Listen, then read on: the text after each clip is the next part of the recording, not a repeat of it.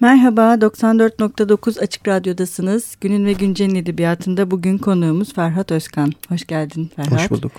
Ee, biz e, daha önce akademisyen bir yazar konuğumuz Orçun Ünal'dı. Ferhat Özkan da bu sefer üstelik aynı ana bilim dalındayız.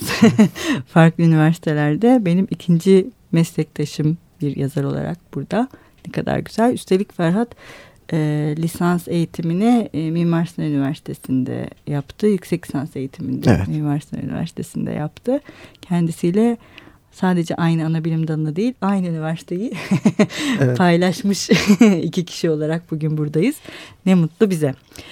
Ee, Ferhat Özkan 1981 yılında Rotterdam'da doğdu. İlk ve orta öğrenimini Konya'da tamamladı. Ve biraz önce söylediğim gibi Mimar Sinan Üniversitesi'nde Türk Dili ve Edebiyatı okudu. Kendisi şu anda e, Konya'da e, öğretim üyesi olarak çalışıyor. Araştırma ve görevlisi. yani doktora tezinde evet. yazmaya devam ediyor. E, Logosoloji adlı ilk öykü kitabından sonra hala barbar mıyız ve öyküden çıktım yola ortak kitaplarında yer aldı. Yoksunlardaki öykülerin bazıları kitaplık, İstanbul Art News Edebiyat, Öykülem, Çün ve Askıda Öykü dergilerinde yayınlandı.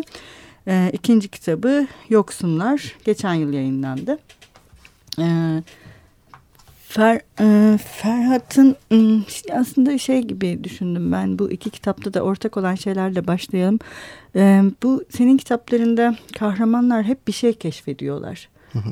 Bir şey keşfediyorlar ya hayatlarında o ilk defa ya farkına varıyorlar öyle diyeyim. Bazen farkına varıyorlar bazen de keşfediyorlar yani normal giden bir şeyin akışı bozuluyor. Yani öykü böyle bir şey mi? Ya da sana seni yazmaya iten şey mi bu? Ya da böyle mi? Bir değişkenlik ya da bir dönüşüm hali mi? Bunun tabii hani e, işte ben öyküyü böyle yazacağım diye bir matematiğini çıkarmak zor ama bir yerden sonra ben de yazdığım öykülerde böyle bir mekanik geliştiğini fark etmiştim. Bunun sebebi nedir? Tabii bunu açıklayamam bilmiyorum çünkü. Ama e, bir kişisel derdin oluşması evet. e, öyküyü bence e, yeterli kılar demeyeyim belki ama e, bir öykünün gerekliliği gibi geliyor. Bir kişisel dert olacak ki evet. e, daha sonra öykülemeye e, gerek duyulan bir durum ortaya çıkacak. E, burada da kişi, kişilerin genellikle karakterlerin e, ruh yapıları da demeyelim ama e, e, beyin kimyaları ile ilgili durumlar oluşuyor genellikle. Evet doğru. Beyin e, ve benim de ilgili olduğum alan algılama, hı hı. duyumsama, bunların e, farklılıkları, çeşitlilikleri.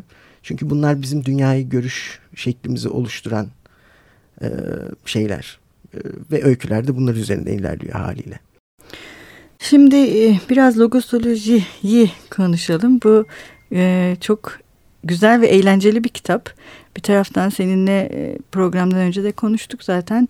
Edgar Allan Poe okumayı seven bir yazarın hı hı. E, eseri gibi düşünüyorum. Yani evet, logosolojiyi şeyi e, kitabın planlanması e, başlangıcı sonrasındaki şeyi yani tabii çok spoiler vermeyelim de e, bu mesela e, biraz önce konuştuğumuz e, bir şeyi keşfetmek, farkına varmak e, ve buna dair e, yani ama Poe'dakinin tersine hani o böyle upuzun bilimsel şeyler de kurar ya bize sahneler ikna eder biz böyle bayağı bilimsel bir temeli vardır bilimsel bir e, temel her zaman vardır.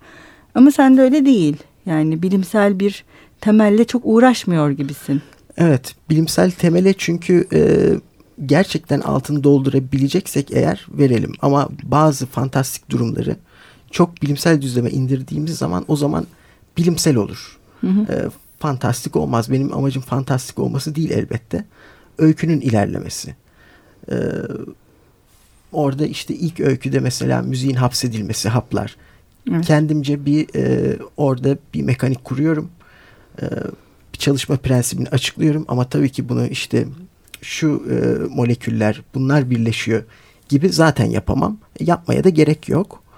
E, önemli olan orada bilimsel olarak böyle bir şeyin aslında belki de olabileceği e, ve olabilirse de böyle bir durumun ortaya çıkabileceği bir e, açık uçlardan biri. Hı hı.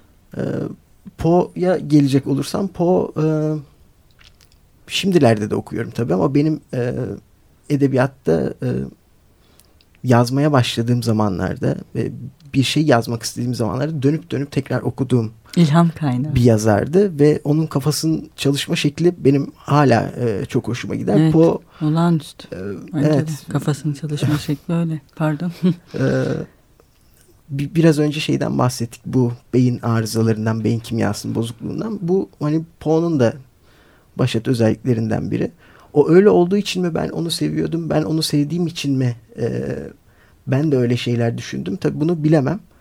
E, ama biraz derine indiğimizde Poe'da da hep öyledir. Bir bir algıda, bir duyumda bir arıza ortaya çıkar ve daha sonra e, bunun e, yol açtığı durumlar zaten beyin arızası ilginçtir. Yol açtığı durumda ondan çoğunlukla daha ilginç olur.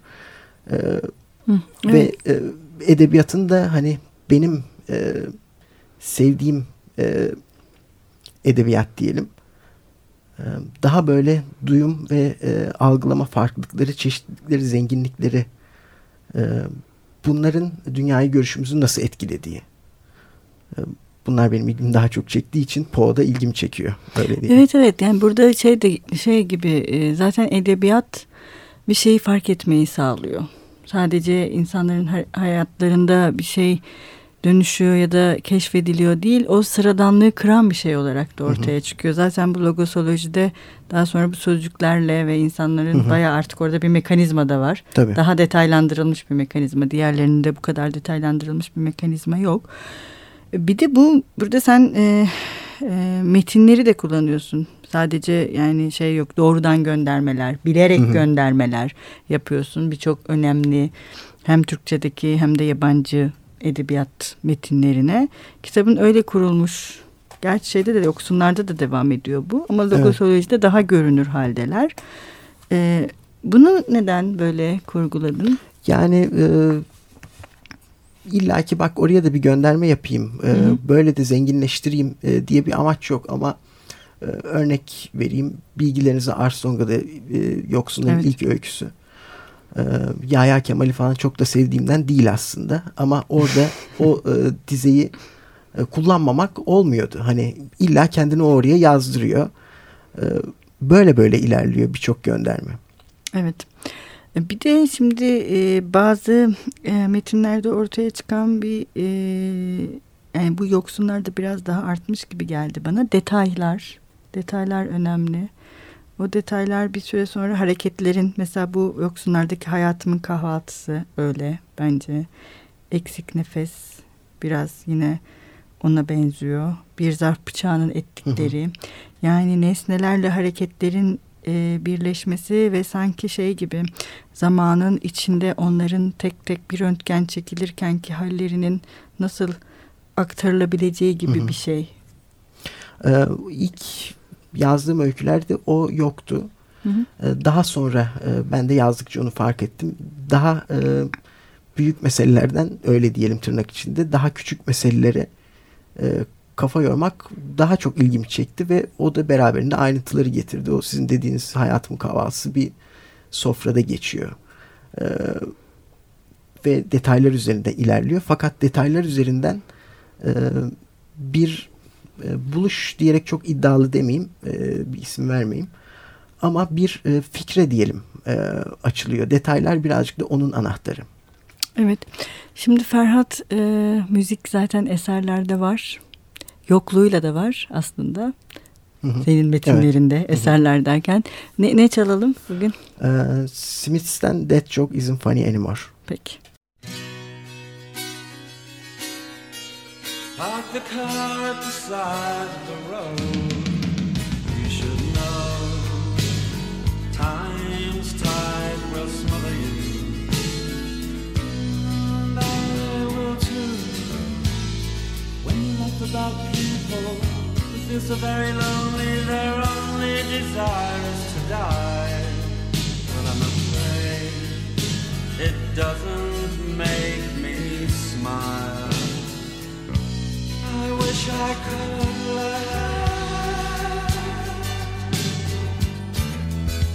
But that joke isn't funny anymore. It's too close to home and it's too near the bone. It's too close to home.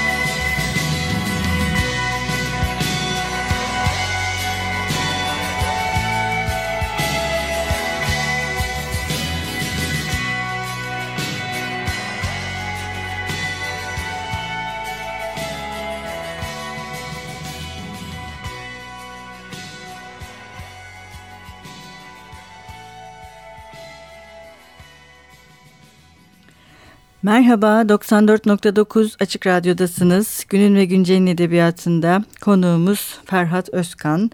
Ee, Ferhat'la programın ilk bölümünde ilk kitabı logosoloji üzerinde daha çok durduk. Ee, ikinci kitabında kendi ifadesiyle daha büyükten küçüğe doğru ve detaya inen e, metinlerini kapsayan yoksunlara e, yani yoksunlar hakkında konuşmaya başladık. Ee, şimdi yine zaten bu kitabın adı Yoksunlar. Hani bu senin e, ne diyeyim e, ilk bölümde konuştuğumuz logosolojideki fark etme ya da işte hayatındaki bir şey keşfetme gibi. Burada da bir yokluk. Aslında ilkinde de bir yokluk var ama onun insanlar farkında değiller. Ama burada daha farkındalıkla yapılmış bir şey. Yani aslında birincisinin biraz daha e, detaylandırılıp konuştuğumuz gibi ve altının oyularak ee, yani o tekinsizlik çünkü logosoloji tekinsiz bir kitap bir taraftan. Fakat bu burada şey var bu tekinsiz değil. Buradaki tekinsizlik aslında bizim kendi yarattığımız bir şeye dönüşüyor yoksunlarda. Ama yoksulluk değil. Evet. Sanırım o yüzden yoksun yani. Ee, bilmiyorum çok uyacak mı ama e, şöyle bir laf var. Bir ayının 10 tane türküsü varmış. 10 türkü bilirmiş. Onu da işte bal üzerineymiş e, diye. E, şimdi ilk kitapta o var. ikinci kitapta öbürü daha baskın. E, ama ilk kitapta da e, ikinci kitapta da beyin arızaları e, var. E, tabii yoğunlukları değişiyor. İkinci kitapta e, ortaya çıkan şey şuydu sizin dediğiniz gibi. E, birkaç öyküden sonra e, karakterlerin e, ya bir şeyler eksilttiklerini ya da bir eksiklikten e, şikayet ettikleri Hı gibi bir durum çıktı ortaya. E, hele üstüne bir de o orada kaçıncı öykü hatırlamıyorum 0,89 o da e, gelince artık kitabın çatısı kurulmuş oldu. E, ve şöyle bir uzaktan bakınca da hani bu planlanarak yapılması yapılır mıydı bilmiyorum. E, bir teması, bir derdi olan e, bir bütünlüğe ulaştı. En azından benim için artık okuyanlar ne düşünür onu bilmiyorum.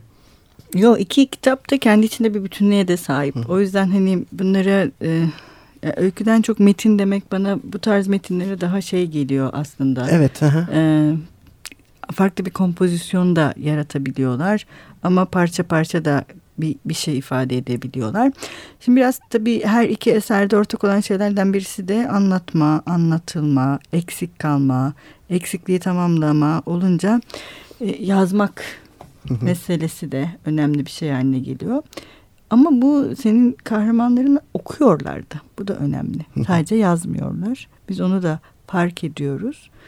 Ee, bu yazma ve okuma eyleminin de bu eksiklik, yoksunluk, tamamlama ve anlatmayla ya da işte hep söylediğin gibi beynin kimyasını hani bu okuma ve yazma beynin kimyasını ve beyin arızasını e, etkileyen şeyler mi? E, logosoloji daha çok vardı. E, ikinci kitapta e, yine okuyup yazıyorlar. E, mutlaka değiştiren bir şey. Yani beyin kimyası bu arada beyin kimyası bozuk beyin kimyası diyorum sürekli. Bu kavramı da Ahmet Güntan'ın parçalı hamından hı hı. E, alarak hani buraya koymuş olayım. E, belki de beyin kimyası bozuk olduğu için mi okuyorlar, okudukları için mi bozuluyor? E, özellikle ilk kitapta okudukları için bozuluyordu. E, bu sadece o karakterlerin değil bizim de hayatlarımızda e, sorduğumuz bir soru. E, bilemiyorum e, evet. neden öyle bir durum var. Biraz şey de olabilir mi? Bu ilk kitapta biraz daha hayatın dışında gibiler kahramanlar. Evet biraz daha e, mesafeliler. Mesafeliler. E, ikinci kitapta biraz daha hayatın içine karışmış karakterler var. E, işte ve bundan e, dolayı da daha küçük tırnak içinde küçük e, meseleler diyelim ona. Tabii bir insan için de çok da büyük meseleler. E, böyle bir onların bir evrimleşmesi oldu. Öyle bir diyeyim. de şey de var mesela ilk kitapta e, bir e, metin yazıyor bir kahraman e, ve aslında şey gözlüklerden dolayı hı hı. göremediği için çok şey saf kalıyor. Çok evet. yani gözlük e, gözündeki problem halle, hallolana kadar çok iyi metinler yazıyor. Hı hı. Sonra popüler kültürle tanışıyor, reklamlarla, gazetelerle, şunlarla, hmm. bunlarla tanıştığı zaman mesela ona şey diyor, Aa, bak daha sıcak yazıyorsun. Evet, ya aslında biz, size soruya benim bu cevap vermem gerekiyordu. Ee, güzel olurdu. Orada evet öyle bir şey var. Ee, programdan önce demiştik insan okuduğundan mürekkep. Hı hı. Ee, işte daha e, yüksek edebiyatı da hadi kullanalım. Evet. Daha soğuk, e, daha e, kitabi bir insanın da e, kitabi dertleri oluyor belki de bilmiyorum. Evet mesela şey de önemli bir e, yoksunlarda e, daha gündelik hayatın içinde ve küçük meselelere takılmaya başlayınca kahramanlar kendileriyle de daha çok ilgilenmeye başlıyorlar. Hı hı. Ve kendileriyle daha çok ilgilenmeye başladıklarında da e, düşünce şekilleri de değişiyor. Hı hı. Orada beynin kimyasının bozulmasından ziyade aslında dışarıdakilerin onlara ısrarla şey gibi bakması. Yani mesela şeydeki kahkaha kaybı ve sonuçlar üzerine hikayesindeki ya da bu metindeki e, adamın derdi kahkahasını kaybetmiş olması değil. Bu durum ona çok tuhaf gelmiyor bence. Tam da yani özellikle karısıyla olan konuşmalarda karısının şey daha tuhaf geliyor. Hani bu sanki olabilecek bir şey. Niye olmasın? Evet. İnsan böyle bir şey kaybedebilir. Yani birçok hayatımıza baktığımızda olan şeyler aslında ilk başta e, ne oluyor dediğimiz her şey bir müddet sonra zaten olabilire geliyor. Ee, bir kahkaha kaybı bile olabilir bu. Evet ama bir taraftan şey gibi hani e, ilk bölümde daha çok kendileriyle uğraşırken ikinci kitapta başkaları onlarla uğraşmaya başlıyorlar. Karakterlerle. Yani biz artık başkalarının gözlerinden de onları görebilir. Hı hı. Ya en azından e, karakter bize ötekinin e, bakış açısından geçerek de kendini evet. anlatabilir ve aktarabilir Hı-hı. hale geliyor. Bir bakış açısı daha giriyor anlatıların içine evet. gibi geldi bana. Ee, şöyle diyelim futbol öyküsü. Ee, evet.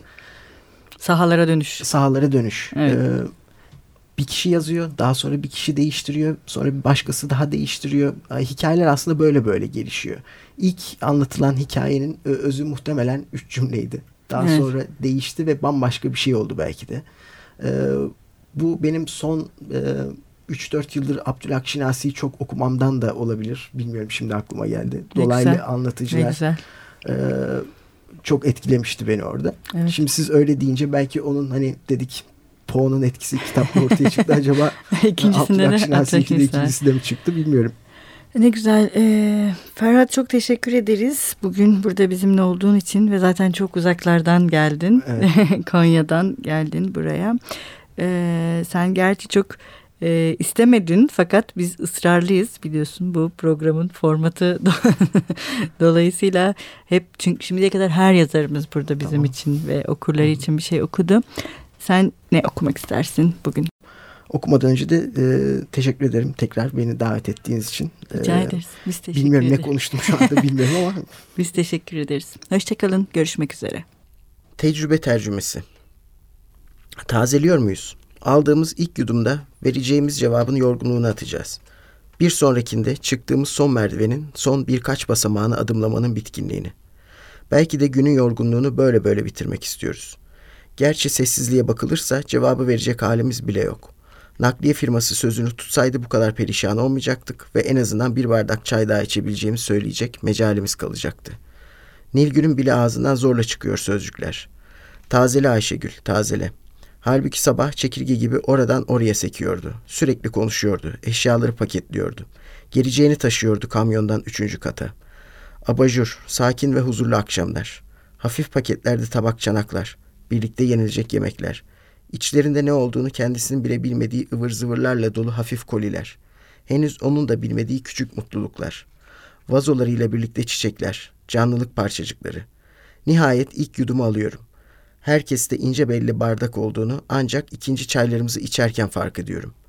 Bana kalsa bu an için büyük bir kupa daha zahmetsiz olurdu. Fakat o koli açılmamış demek ki. Belki de Nilgün koltuklar kurulmamış, halılar serilmemiş ve kutular açılmamış olsa bile her şeyin yolunda gittiğini göstermek için böyle bir yol seçti. Hatta bunu yaptığının farkında bile değil. Ne kadar harap bir halde olursak olalım, kendimizi çay çayı layık, layıkıyla içecek kadar önemsediğimizi anlatmak istediğini bilmiyor. İkinci yudumları da neredeyse birlikte alıyoruz. Beraber eşya taşıdık, beraber yorulduk, beraber yudumluyoruz. Öyle yorgunum ki sadece dudaklarımı ıslatıp ağzımın içini ısıtan çayı duyumsayabiliyorum ancak. Bedenimin ve beynimin mecali anca bu kadar. Darmadağınık odayı, karşımda yorgunluktan bitap düşmüş Nilgün'ü, birkaç gün sonra evleneceği Melih'i ve Ayşegül'ü görüyorum.